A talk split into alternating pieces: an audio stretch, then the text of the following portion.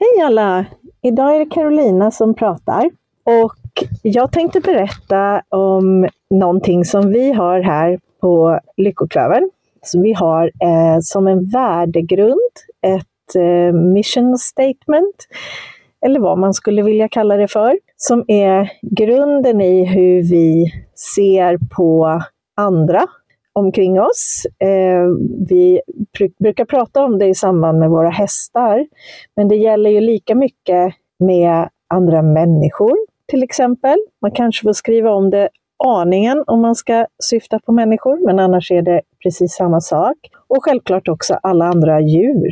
Så att det, oavsett art så gäller den här värdegrunden för oss. Och den är i fem delar och den lyder så här. Jag respekterar din önskan.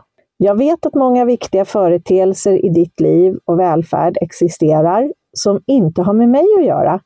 Jag är tacksam när du väljer mig, men tar det inte för givet. Och det här betyder till exempel att våra hästar skulle kunna välja att gå och hänga med sina flockkompisar istället för att träna med oss. Och det måste få vara okej. Okay. Den andra är, jag respekterar din röst. Jag ser att du kommunicerar och gör mitt yttersta att förstå det du vill säga. Din röst är lika viktig som min egen. Och den här kanske står för sig själv lite, men såklart så handlar det om att läsa av våra hästar och tillåta dem att säga nej till saker och ting och uttrycka vad de helst skulle vilja. Jag respekterar din kropp. Din kropp är enbart din och jag har inte rätt till den. Vill du erbjuda mig tillgång till din kropp i någon form är det ett privilegium som jag är tacksam för och jag tar det inte för givet. Så ridningen är såklart någonting som vi tänker på här, men också någonting självklart som att lyfta en hov eller ta på en grimma är kanske inte så självklart trots allt. Det är ett privilegium att få göra de sakerna med sin häst. Jag respekterar din intelligens. Dina idéer och synpunkter är lika goda och viktiga som mina. Jag är nyfiken på hur du skiljer dig från mig och hur vi är lika. Och den kan vara väl så viktig från människa till människa, skulle jag vilja säga, som mellan arterna. Jag respekterar din självständighet. Jag vet att du är en egen individ och inte en förlängning av mig själv. Du finns inte till för mig, eller för att tjäna mig, eller vinna mig någon ära. Du är inte skyldig mig något.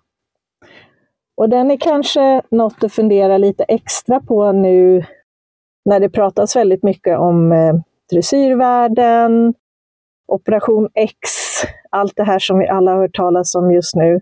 Överhuvudtaget tävling med djur, men kanske också hur vi agerar med våra barn. Måste våra barn spela fotboll för att vi tycker det är roligt med fotboll och så vidare. Det finns mycket att fundera på där. Utöver det här så har jag ett favoritcitat som jag brukar återkomma till och det är utav Dr. Susan Friedman. Och citatet är “Effectiveness is not enough”. Och det betyder på det stora hela att det inte är tillräckligt att få resultat.